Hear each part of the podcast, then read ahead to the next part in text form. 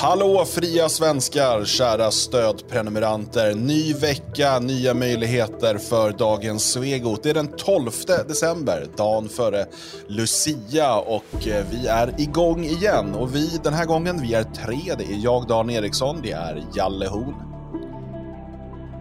Ja, hallå, hallå. Har du glömt bort hur, hur man pratar? Det för lång, var för lång helg. ja, men jag väntade på nästa presentation och sen kanske ska få säga något. Men fortsätt nu. Jag ja, visst. Ja, och eh, den um, tredje personen här idag är föga överraskande Magnus Söderman. Ja, tack så mycket. jag, jag, jag minns hur man pratar i alla fall. Det är skönt, eh, det är skönt att göra det. Härligt. Uh, jag ska börja med att be om ursäkt till lyssnarna och till uh, Jalle. Uh, han skickade nämligen in ett nytt avsnitt av På gamla och nya stigar igår, men det kom inte upp. Så att vi lägger upp det idag istället. så ni som satt och väntade, och vi hade brasan tänd, rödvinet upphällt och väntade på er, ja, ska man säga, er, er kulturella dos. ni fick vänta till idag. Men som tur är så kommer dagens avsnitt närmast vara en korsning av Babel och Kobra. så att, eh, så att eh, ni, kommer få, ni kommer känna liksom hur tweedkavajen eh, skaver mot handleden. Inga, var inte oroliga. men, men innan vi pratar om det som vi faktiskt ska prata om, som är allt ifrån Nobelpriset i litteratur och folkutbyte och hur det här hänger ihop, så vill jag bara att vi ska prata kort, kort, kort om Håkan Johansson. Håkan Johansson ser ni, vem är det? Är det någon eh, hockeytränare? Eh, nej, utan det är alltså gruppledaren för Moderaterna i Piteå. Han, eh, det är ganska roligt när man har hört om de här, vet, och det, han bor egentligen i någon bostad ute på landet och så får de bidrag för det och sådär, riksdagsledamöter. Här är vi alltså gruppledaren för Moderaterna i Piteå som också då bor i Frankrike. Det, tycker jag, det är det första. Det andra är ju då, ah, men han har ett hus i Frankrike. Det är att han då flyger från Frankrike till eh, Sverige för att delta då på kommunfullmäktigemöte i Piteå. Och för detta har han då lämnat in en reseräkning där han vill ha milersättning för den här sträckan som han alltså har flugit. Det är ju fantastiskt.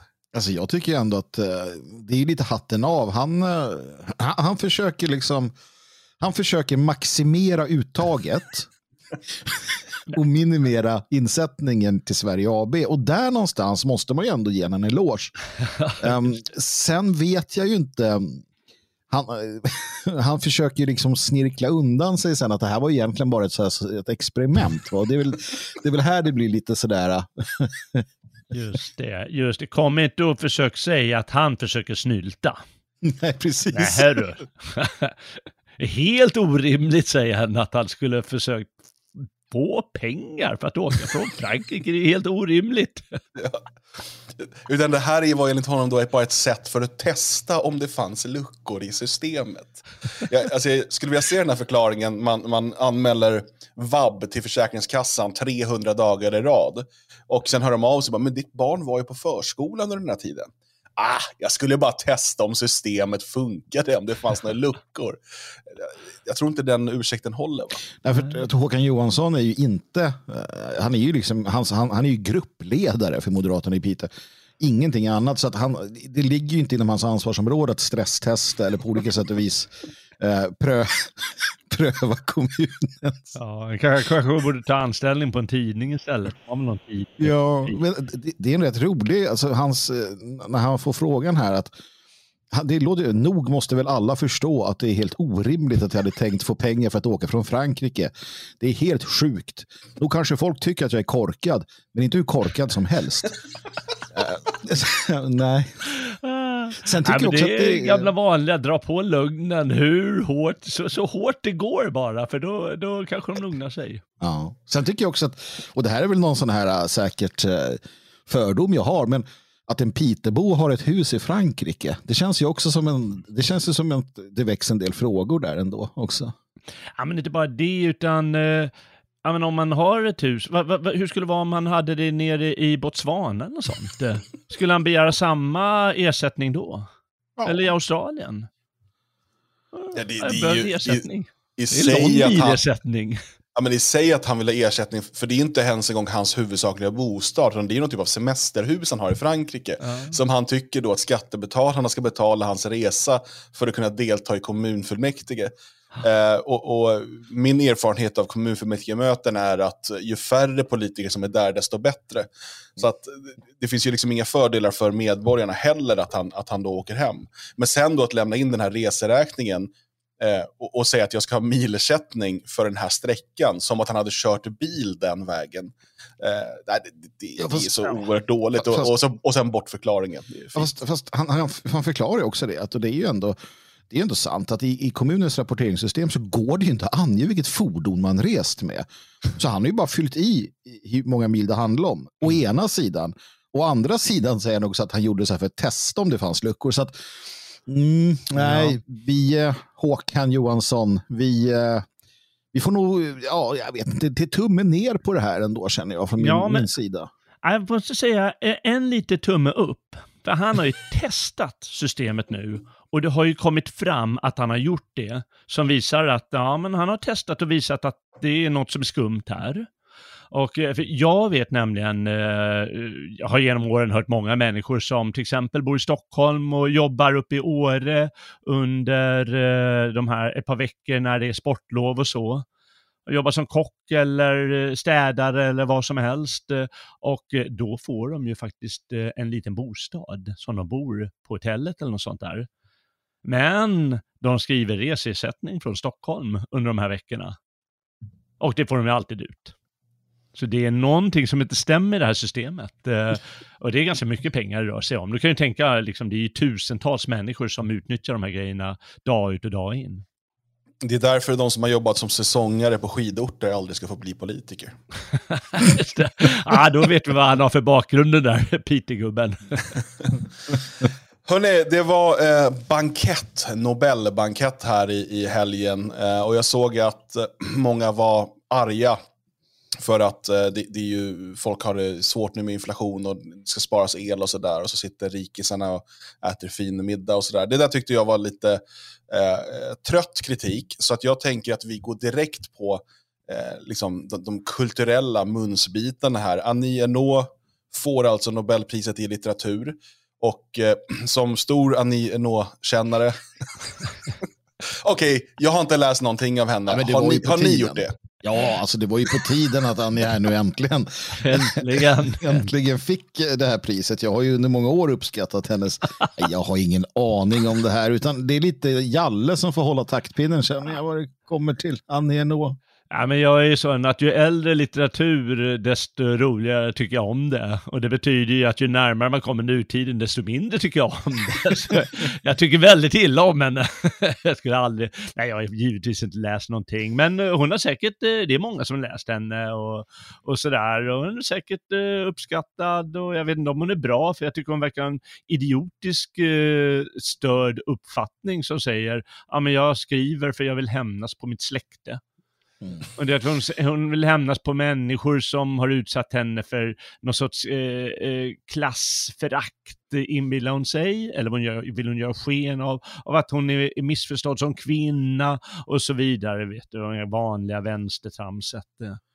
Det är en försmådd kvinna som Ja. kan skriva. Där har du ju en, en fantastisk kombo. För smart, hon har ju fått Nobelpriset för guds skull. Ja, men det räcker inte, utan hon måste nedgöra alla som har varit elaka mot henne och sagt hemska saker. Men nej, hon har säkert litterära kvalifikationer utifrån hur de 18 tycker.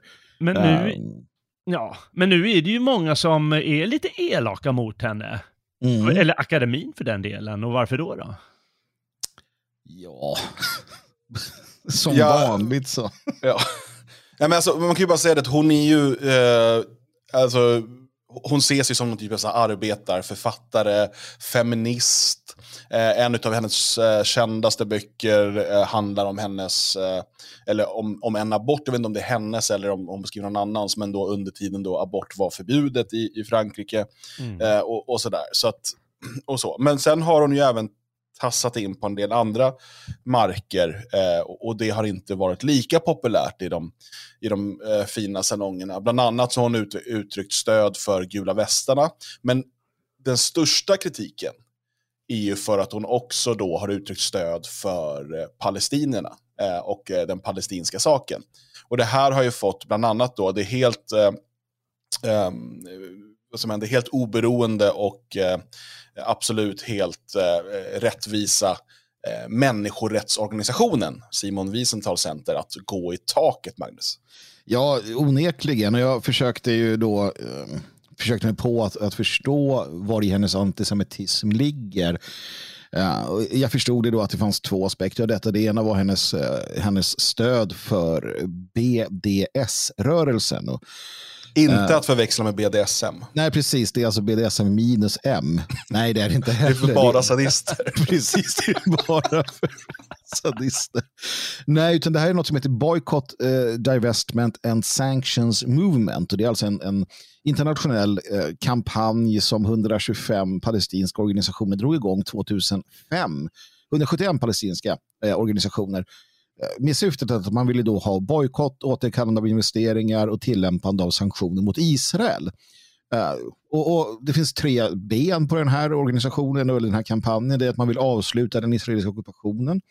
Man vill att Israel ska erkänna grundläggande rättigheter för palestinska arabiska medborgare i Israel och att uh, Israel ska respektera skydd och främja rättigheter för palestinska flyktingar som vill återvända hem då, som, uh, ja, till, till, sina hem. Och, och det här är Eh, enligt Simon Wiesenthal Center och, och, många andra internationella judiska organisationer antisemitism av det skälet eh, att det inte är en konstruktiv eh, att man inte förespråkar en konstruktiv lösning på, på konflikten i Israel utan att man, man bara då eh, pratar om bojkotter och sanktioner. Och det gillar inte det judiska folket, eh, företrätt av de här organisationerna. Så att det är en, en, en, en fe, alltså, när, när, palestinier de ska göra som judarna vill eh, när de protesterar mot Israel. För gör man, om inte palestinierna gör som judarna vill när man protesterar inom ramen då för den judiska acceptansen, då är man antisemit. Så att, det är bara judarna som får bestämma hur man får protestera mot den judiska ockupationen av Palestina. Och där har då palestinierna förbrytit sig. Fy på dem. Och eh, Annie Ernaux tycker då att BDS-rörelsen var fin och bra. Klassiskt så här, kommunistiskt, marxistiskt. De, de, står alltid på deras sida. Jan Guillou och andra också. Mm. Och där har du detta och därför är hon antisemit. Samt att hon gillar en annan författare. Mm. Vad sa du? Att hon gillar en annan författare? Ja, hon, är, hon gillar eller har haft kontakt med Huira Boutelja, en, en ah, kvinna ja, ja, från just, äh, Algeriet, va? eller Marocko eller någonting. Ja, ja men det, det, det fåniga i saken är ju eh, givetvis eh, att eh, den här gruppen, som vad nu heter igen, och den här författaren som du sa från Algeriet, vad, vad hon nu hette, har säkerligen skrivit att judar är svin eller vad som helst, kan man tänka som de kan tycka är antisemitiskt där. Och då att dra slutsatsen att eh, det är vidrigt att hon fick Nobelpriset och det borde absolut inte hända. Och de borde, som vissa menar då, eh, har kritiserat Svenska Akademin för, att de borde verkligen sitta och, och, diskutera de politiska implikationerna av de här valen innan de väljer en Nobelpristagare. Det innebär ju att ingen någonsin kommer kunna få det där priset. Ja, möjligtvis Björn Wiman på eh, Dagens Nyheter. ja. Abraham Cooper då från Simon Wiesenthal Center. Uh, han är, han är rab rabbin och, och någon typ av uh, chef och grundare där för det här centret. Då. Han säger att den svenska akademins budskap till den judiska delen av världen och den judiska gemenskapen är citat, helt ärligt, vi bryr oss inte ett skit om er och ni kanske får vad ni förtjänar, slutcitat. Det är ju inte sant. ja, men det, det, det, är ju, man kan väl säga att han eh, drar stora växlar på att Annie Ernaux eh, tycker att eh, palestinierna ska ha fler rättigheter. Ja, men det jag känner här är att här ser vi ju varför judarna i en tid av världslig wokism där offer är allt, alltid vinner. För att han skäms ju inte för sig överhuvudtaget. Det judiska folket eh, företrätt av sina judiska organisationer. Eh, det är lite slarvigt att säga det judiska folket. De judiska intresseorganisationerna skäms ju inte för sig.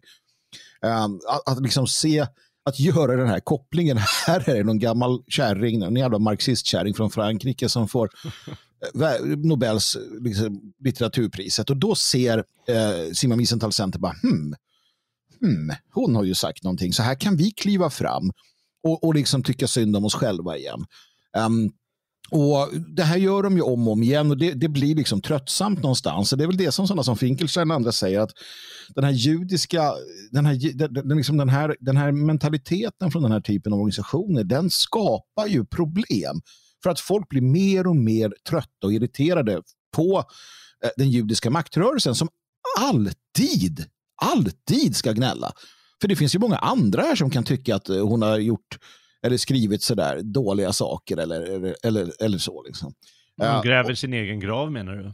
Ja, ja, lite grann så. Jag, menar, jag tänker på den här debatten nu i Sverige här med, med um, transor som läser på bibliotek och så vidare. Där, där, alltså det här att, att konsten ska vara fri och politiker och andra ska fan inte lägga sig i vad människor gör och skriver och kulturen är liksom en bastion utav, eh, där ska det vara fritt från det här. Utom, just det, utom när, när judarna blir arga. För då jävlar, inte judarna i sig, utan de här grupperna som säger sig företräda judarna. För då jävlar i mig. Då ska det, då ska det hudflängas. Va? Då är kulturen ingen safe zone överhuvudtaget. Återigen, då hyckleriet avslöjas. Jag tycker ett annat hyckleri som, som man aldrig påpekar i mainstream-media när det gäller det här, det är ju eh, folkbegreppet och, och liksom identiteten generellt. För att vi får ju lära oss att den moderna synen på folk och identitet och så vidare, det har ju med medborgarskap att göra. Och det har att göra med vart du bor någonstans. Alltså inte ens medborgarskap. Har du åkt tunnelbana så är du svensk och så vidare. Eh, men Abraham Cooper, eh, som då eh, bor och eh, är uppvuxen i USA, eh, han har visserligen arbetat en del i Sovjetunionen då, eh, som den gode människa han är eh, tidigare. Men, men han, han, är från USA och eh, Simon Wiesenthal Center ligger i USA. Varför bryr de sig så mycket om Israel? En helt annan stat, en helt annan världsdel. Varför är den så viktig? Jo, för att såklart, de här personerna är etniskt sett och identifi identifierar sig som judar i första hand och Israel är det de ser som judarnas hemland. Eh, men, men så här skulle man ju aldrig acceptera eh, någon annan, alltså något annat folk, eh, att något annat folk resonerar. Utan skulle, skulle Abraham Cooper vara i Sverige så skulle han enligt logiken egentligen vara svensk. Och då är det ju jättekonstigt att han bryr sig så mycket om Israel. Varför är Israel så viktigt för dig? Det är ju en helt annan stat och du kanske inte ens är medborgare där. Du har en del av de här dubbla medborgarskapen visserligen. Jag bara tycker att eh, det är så tydligt så fort den här typen av judiska organisationer uttalar sig, då finns liksom folk, etnicitet och nation som fristående ifrån geografi och medborgarskap. Men det är helt omöjligt att förstå det inom kontexten till exempel Europa och Sverige. Att det finns till exempel ett svenskt folk eller att det finns ett, ett eh, nederländskt folk eller ett tyskt folk. Utan nej, då finns det bara medborgare i de här staterna. Varför gäller inte samma sak för Israel? Alltså det, det, det blir ett hyckleri här som, det, det, är väldigt lätt att peta hål på det genom att säga att, för att jag tycker absolut, jag förstår att judar bryr sig om Israel. Jag bara menar att mainstream-media borde ha någon typ av eh, stringens i det här. Eh, om det inte vore så att man såg det som två olika saker. För att det verkar ju som så att ska man förstå mainstream-media och liksom den offentliga debatten så finns det ett folk, det är judarna, och sen finns det bara resten.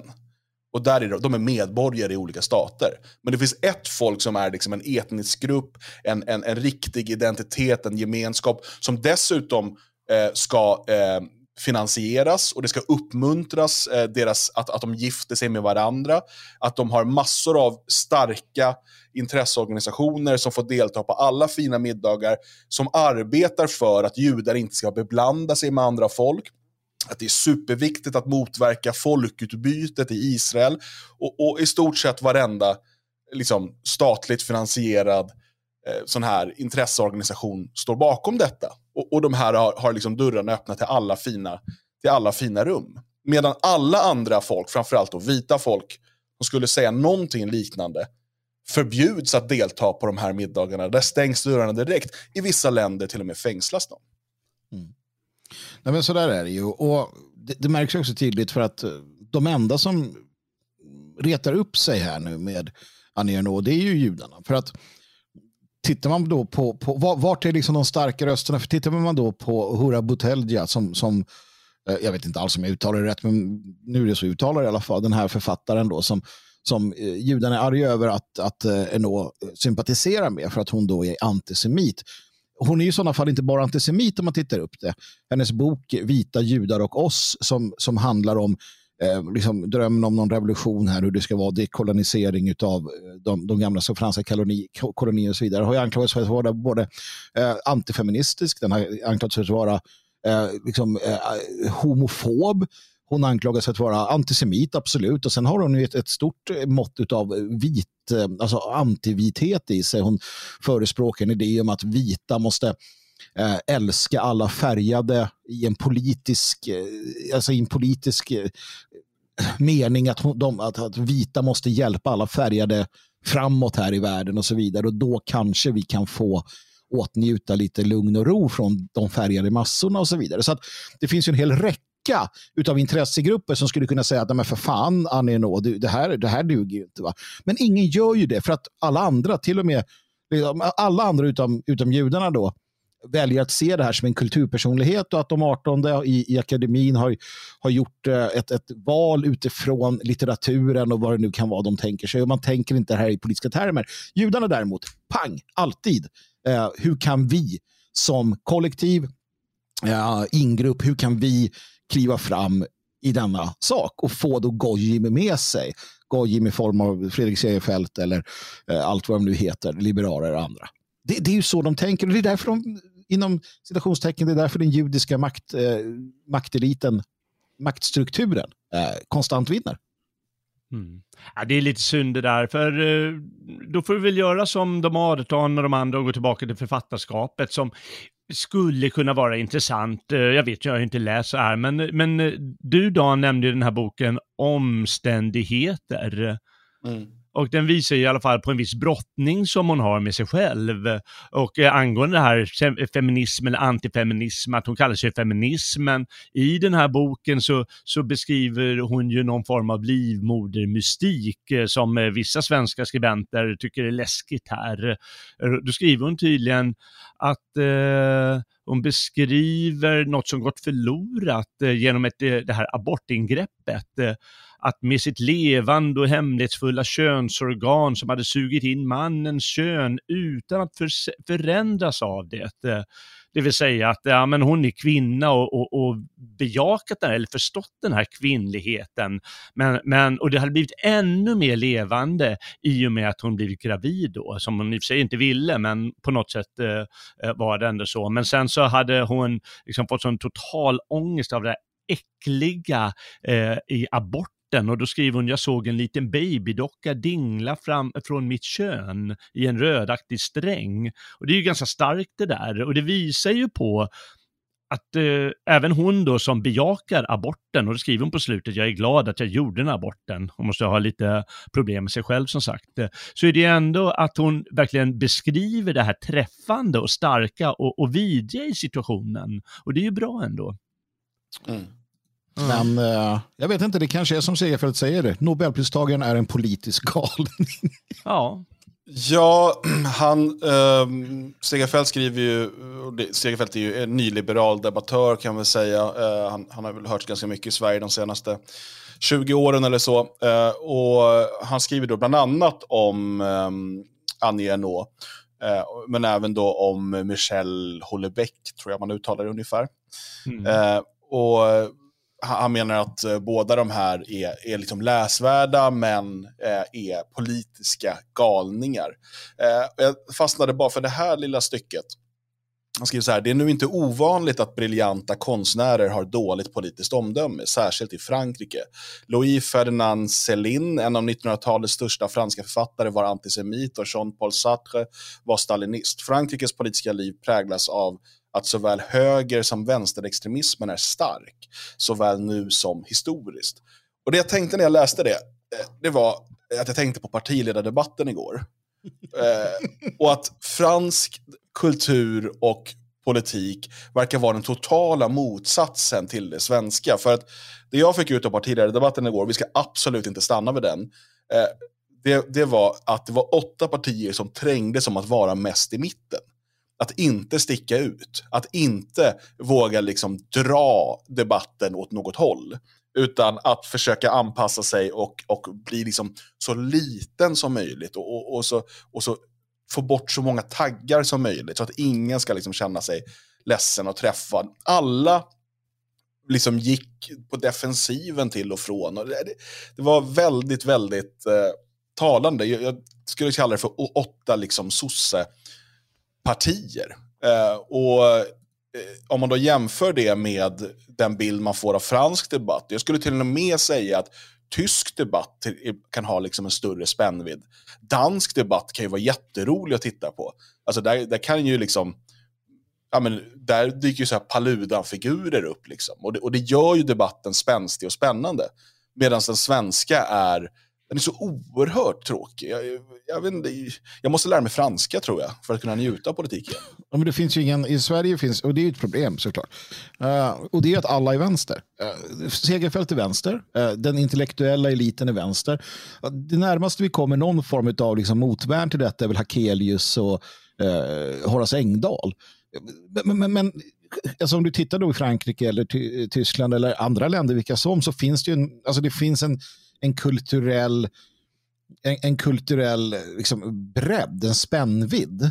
Um, och det gör ju naturligtvis att det blir intressantare. I Sverige finns ju inte denna. Alla trängs ju på någon form av kulturell vänsterkant och det gör ju att det blir hjärndött, precis som i politiken. Och det är ju de här eh, årtiondena av socialdemokratisk eh, liksom förkvävande eh, kulturell och politisk eh, homogenitet som gör det. Öken. Mm. Ja, och det är dött. Alltså det är dött. Det är, jag menar, Segerfält skiljer sig ju inte från Åsa Lindeborg eller andra. Alltså det är samma trötta jävla vänster. Eh, och det är väl kanske därför just en sån som Hakelius eller Engdahl sticker ut så vansinnigt mycket i det här landet genom att vara lite, lite, lite annorlunda. Jag menar, jämför man det då som Segerfält då, titta det är högerextremister i Frankrike. Jag menar, vad är det han åsyftar? Scruton hade väl varit en, en, en högerextremist i hans värld. Liksom. Ja, Nej, men det, det är som du säger, han gör sig löjlig när han säger att han, han föraktar de här för deras politiska åsikter. Och så gör han förstås att man skiljer på eh, politik och vad de skriver. Men vad då föraktar, som du säger, då blir det ju ingen spänst i, eh, i samtalet och, och idéerna och föreställningarna i landet, utan det kommer sluta med att alla syftar på samma sak. Och han, han syftar då på en, eh, en debatt som, har, som fanns i, sven, i, i fransk tv där i slutet av november, tror jag det var eh, mellan eh, då den här eh, Michel Ulbeck eh, som är känd för sina många samhällskritiska, eller vad vi nu ska kalla det för, de, de beskriver liksom med spänst eh, viktiga delar av vad som händer i samhället. Och eh, en annan eh, filosof och skribent som jag brukar vilja lägga sig i, i hetluften och tycka lite annorlunda som heter Michel Onfray, eller vad heter han? Ja, precis. Och vi ska tillägga att Svenska Akademin, de har ju, de har ju sett till nu att eh, Michel Ulbeck inte kan få Nobelpriset, för nu har de gett det till en annan fransk mm. romanförfattare. Och mm. eh, liksom, de kommer ju aldrig kunna ge Ulbeck eh, Nobelpriset, givetvis. Och nu har de sett till att de inte behöver göra det heller. Därför att han utmanar alldeles för mycket. Mm. Nej, och den här klart. debatten verkar väldigt spännande. Vad, vad, vad, vad, tar, vad tas upp i den egentligen? Ja, eh, tyvärr är den ju lite otillgänglig för oss som inte kan franska, utan vi får ju leva på då engelska eh, referat av den. Och, och, där måste man ju säga att den verkar superintressant. Den har tydligen då också blivit eh, nedskriven då på, på 45 sidor, hela den här, för att den är så intressant. Jag hoppas det kommer en fullständig översättning till engelska så man får ta del av den. Eh, för det är två intressanta eh, tänkare som, som brukar kanske placeras in lite vänster och höger. Eh, men eh, som då bland annat eh, diskuterar det här med folkutbyte. Och det är det som kanske har fått mest uppmärksamhet. För att ehm, eh, eh Olbeck säger då att eh, det här folkutbytet eh, han, han är chockerad över att det här framställs som en teori. Eh, för att det är ju bara fakta. Siffrorna visar ju detta.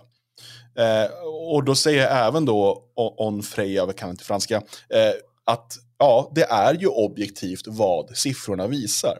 Uh, återigen, Onfray då är en, en vänsterdebattör eh, generellt sett, även om han liksom beskylls för en del högerextremism, han, han, är, han kommer från vänsterhåll.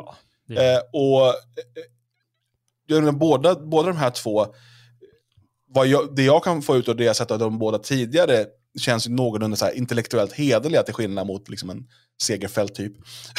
och, och, och, bara titta på siffrorna och säga ja men det är ju det som sker. Det som sker är ett folkutbyte. Och, och det bör ju vara liksom startpunkten i en diskussion. Sen kan man diskutera, är det ett problem eller inte? För där kan man ha olika åsikter eh, beroende på liksom hur man ser på folk och, och gemenskap och, och så vidare. Men, men att det sker är ju bara objektiv fakta. Eh, och det konstaterar de båda två, de här debattörerna, i den här eh, dialogen. Men, men här visas det ju tydligt då hur efterblivet Sverige är. Och då kan vi bara titta på Uppsala Nya Tidning och Sakine Madon som skriver under rubriken Bizarra idéer om folkutbyte och demokratur är ett hot. Alltså bisarra idé där hon då, eh, där hon då Uh, hon, är ju, hon är ju då uh, liberal, säger hon sig. Alltså vänster. Hon är vänster, vänsterliberal, som alla andra i det här jävla landet. Uh, och som då har tagit upp det då, att nej men det här idén om folkutbyte, nu ska vi papegoja expo. Eh, för det gör vi i Sverige. För det här är den intellektuella spänsten i det här landet. Hon är liksom en av de främsta kolumnisterna i det här landet tillsammans med några andra. Hon är liksom den som bjuds in på tv och får sitta där och prata. Bizarra idéer om folkutbyte. Hon då talar om att svenska högerextremister då Eh, hävdar att det finns ett uttänkt folkutbyte och det är naturligtvis antisemitiskt i grunden och så vidare. Och det här är livsfarligt och så vidare. För det finns ju inte, det här är ju bara bizarra idéer. Och så sitter liksom i Frankrike då, och andra länder pratar vi om, om, om spänstiga intellektuella eh, som, som fan ta mig vet vad de pratar om och bara konstaterar att jo, men så här är det. Tillsammans med en sån som i Sverige, då, Tobias Hübinette, som rent matematiskt kan visa att att det sker ett folkutbyte. Och så kan man titta på att det finns då i FN och andra agendor, utskrivna, uttalade, där det står att vi måste byta ut befolkningen i Europa eh, av det enkla skälet enligt dem då att det föds för få europeiska barn. Och då måste man byta ut det. Men, säger Sakine Madon, det är ju inte en bizarr idé. Alltså, det, det, går ju inte man blir, så, man blir så ledsen för det är så dumt i, i svensk eh, debatt. Ja, men det är verkligen dumt och hon är en av de värsta Sakine Madon för hon har alltid försökt eh, eh, få, få ge sken av att hon är lite utmanande i sina tankar och, och idéer. Eh, både, inte bara att hon eh, då företräder invandrare så, utan hon kan vara kritisk mot invandring ibland, eh, har hon gett intryck av. Och ändå så ska hon vara extrem eh, mainstream etablissemang. Och, och, jag vet inte om hon fattar att hon är del av en uppenbar psyop. För samma, exakt det hon skriver har ju kommit i, den ena tidningen efter den andra. Mm. Det finns DN och det finns i Svenskan och det finns i Uppsala Nya Tidning och så vidare. Precis det hon skriver.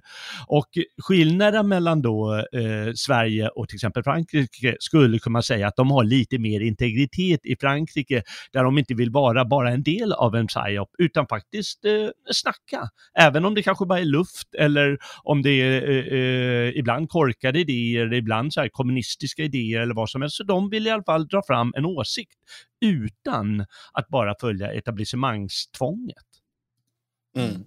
Ja, och det där återigen säger så mycket om svensk eh, debatt när man bjuder in sådana som Sakine, nu får hon vara lite symbol, men, men det finns ju tusen Sakine i Sverige. Och, och, så, för att man vill aldrig ha in någon som, så att den här personen kan ha något spännande att säga, utan man vill alltid ha in någon, den här personen kommer inte säga någonting som gör att det blir jobbigt för oss. Det är liksom hela tiden där.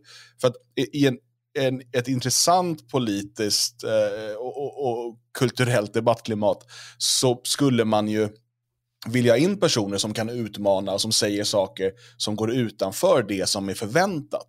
Men i Sverige har man hela tiden, vi vill bara ha in det förväntade, för annars kan vi behöva liksom ompröva tankar och folk kan börja... Det, det är så himla tråkigt. Och eh, det blir ju nästan komiskt då när Samtidigt som Sakine talar om det här som besarra idéer, så publicerar Expressen eh, en, en kolumn eh, utav Hanif Bali. Som, sk- som skriver då under rubriken Vem ska lära barn svenska när det är slut på svenskar? Mm. De får ju inte ihop rolig. det här. Ja, men det här är ju så underbart. Ja, men, och då skulle man kunna hävda att så här, ja men vänta, det här bevisar ju att det finns en, en intellektuell eh, spännvidd. Att, att båda de här sakerna då eh, debatteras. Men om man läser eh, Hanif Balis kolumn, så absolut, han går också in på den faktiska statistiken. Alltså där han eh, visar då på att i, i Malmös grundskolor och så vidare så är svenskarna redan en minoritet. Eh, och så vidare. Men i, vad är det han skriver om egentligen? Jo, det är fortfarande hur ska vi göra det så bra som möjligt för invandrarna? Hur ska invandrarna integreras? Hur, det är det perspektivet hela tiden. Mm. Det, han, det är liksom inte ett problem i sig att svenskarna blir en minoritet i vårt eget land. Utan problemet med det är att det kanske kan göra det lite svårare för, för utlänningar att bli en del av Sverige. Ja. Och det, det, är det, här, det är det här perspektivet man har hela tiden. Om jag bara kort går tillbaka till gårdagens partiledardebatt i Agenda, då har man en halvtimme om migrationen. Inte en, inte en enda gång tar man upp svenskarnas perspektiv. Hur påverkar det här svenskarna? Inte en enda gång tar man upp den demografiska katastrofen som pågår där svenskarna blir en minoritet i sitt eget land. Allt handlar om hur kan invandringen bli så bra som möjligt för icke-svenskarna? Det är alltid det det handlar om. Antingen de som ska komma hit eller de som redan är här. Nej, vi måste minska invandringen för att kunna integrera de som redan är här. Eller nej, vi behöver inte minska invandringen, vi behöver mer resurser så att de som kommer hit kan integreras. Inte en enda person, inte heller Jimmy Åkesson tar upp och säger va? Varför pratar ni bara om det här? Varför säger ni inte varför, varför pratar vi inte om hur svenskarna ska kunna känna sig hemma i sitt eget land? Hur svenskarna ska kunna känna gemenskap med de människor som bor runt omkring dem? Varför pratar... Ingen tar upp det. Svenskarnas perspektiv är helt utraderat. Det finns ingen spännvidd alls. Den enda gången man tar upp, som Hanif Bali då, att det pågår ett folkutbyte, så är det inte så man säger, man använder inte de begreppen. Men när man tar upp det, då är det för att det kan bli ett problem för icke-svenskarna. Så ser svensk debatt ut. Mm. Men, men visst är det så. Och, och, och den är också löjlig i det att jag bara tittade på um, Sakini Madon då som, eh, som, som twittrar om sin egen kolumn såklart. eh, och får lite mothugg då. Det är en person som skriver nu i en klar majoritet, exempelvis Storstockholm av utländsk härkomst, att jag menar, det kanske inte ska avfärdas helt den här idén om folkutbyte. Och då går in, hon in och skriver konspirationen är att det skulle finnas en uttänkt plan att ersätta vita. Så att det är liksom så här, jag ska minsann gå in på detaljnivå här och förklara att det är det som är själva konspirationen. Eh, vi vet ju mycket väl, och vita då inom citationstecken, för att vita finns egentligen inte. Eller finns de? Jag vet inte. Ja, men, men, men sen, så det blir så tydligt, och, och hon är inte svensk. Eh, Hanif Bali är inte svensk och vi har en massa icke-svenskar som utifrån sina egna idéer, tankar och, och anammanden av, av eh, olika eh, politiska ideologier och filosofier eh, talar i egen sak. För att andelen svenskar som, som inom etablissemanget då, eller inom den här godkända, eh, det finns ju inte heller. Det är såna, där har du ju liksom samma typ av förnekare och, och svenskhatare och så vidare. Så det finns ju inte det som det finns i andra länder heller. Så att, eh, det är väldigt inrökt och, och som sagt allting utgår ifrån um, allting utgår ifrån deras, främlingarnas bästa. Ingenting utgår ifrån svenskens bästa och det är ju eh, på alla sätt och vis eh, förkastligt. Helt utan, utan ut, så är det ju bara. Usch ja. Usch. Mm. Ja, eh, man kan säga så här att uh Kommer ni ihåg den här gamla debatten eh, att eh, man får ju visst tala om invandring, man får visst debattera invandring i Sverige. Det hade vi ganska länge och då brukar jag alltid säga nej, det fick man inte alls, utan det enda man fick de debattera var liksom metadebatten om invandring. Och eh, nu kan de säga att jo, man får visst debattera invandring och det får man nu. Men först nu när man i 20-30 års tid har stött och blött det här, så att, eh, som du sa Dan, att det bara handlar om invandrarnas perspektiv. Eller integrationens perspektiv. och inte svenskarna till exempel, då först är det äntligen tillåtet och då är det ingen debatt längre. Nej, Ja, men, precis. Ja, precis. Man, man, har, man har ju satt väldigt tydliga väggar i den där åsiktskorridoren och sagt att inom det här eh, kan man liksom debattera invandring. Går man utanför det, då är det bizarra teorier Jaha. eh, och, och, och som i sin som i slutändan kommer leda till terrordåd. För det argumenterar man ju för, både i, eh, i då Uppsala Nya Tidning här och eh, även eh, på Dagens Nyheter och sådär. Ja. Att, att den här typen av då bizarra teorier om att eh, svenskarna håller på att bli en minoritet i ett land, tyskarna, fransmännen och så vidare. Det som eh, franska intellektuella mycket tydligt säger att ja, men det här är ju bara att kolla statistiken, det är inga konstigheter. Det som Hanif Bali säger med andra ord är det som sker.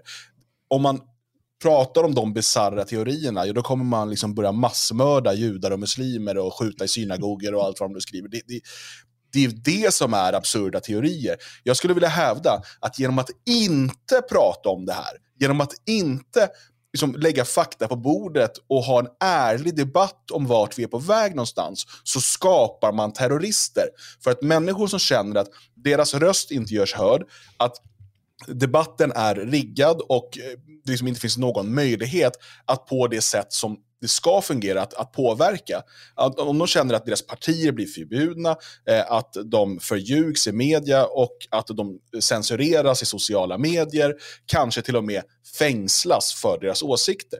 Ja, de människorna blir desperata och i de, de mest extrema fallen så kommer de människorna också ta till våld för att de är desperata. Så det är genom att inte tala om detta på ett intellektuellt hederligt sätt som man skapar terrordåd. Istället bör man ha en öppen och fri debatt och en intellektuellt hederlig debatt. Och jag är säker på att vi skulle kunna minska den här risken för den här typen av dåd i Sverige och Europa.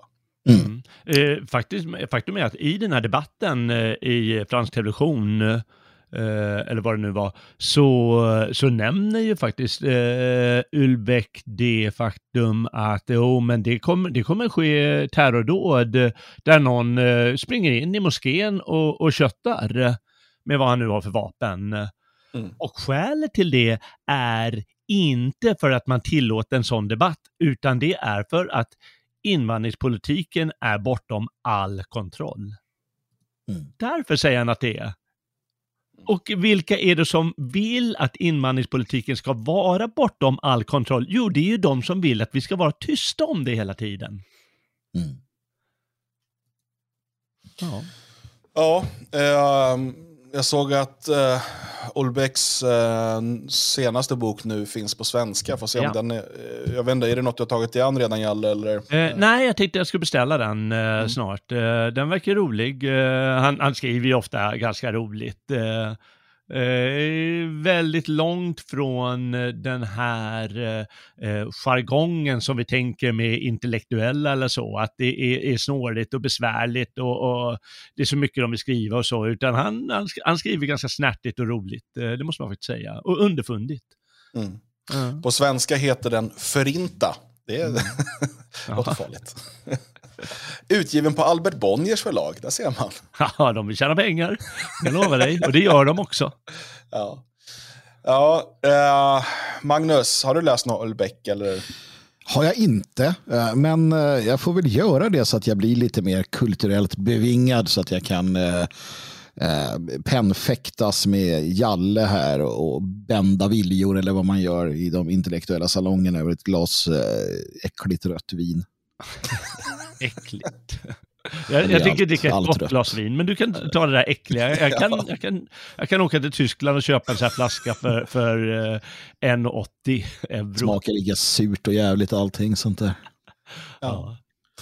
Ja, du får inte vara med i vår intellektuella herrklubb hur många gånger vi än har sagt spänstigt idag. Så eh, om du inte dricker rödvin får du inte vara med, Magnus.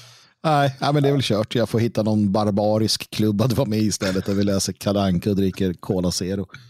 Cola Zero. Ja, det blir ju aldrig en fransman av dig, hör jag. Nej. Uh, nu ska jag gå och uh, käka baguette så att jag hoppas att uh, ni har fått ut någonting av den här podden. Vi är tillbaka imorgon med en ny podd och sen sänder vi ju live i morgon kväll. Uh, så att det blir podd på dagen, livesändning på kvällen och jag hoppas att du är med och lyssnar och eller tittar även då. Stort tack för ditt stöd till Radio Svegot. Hoppas du får en fortsatt härlig måndag.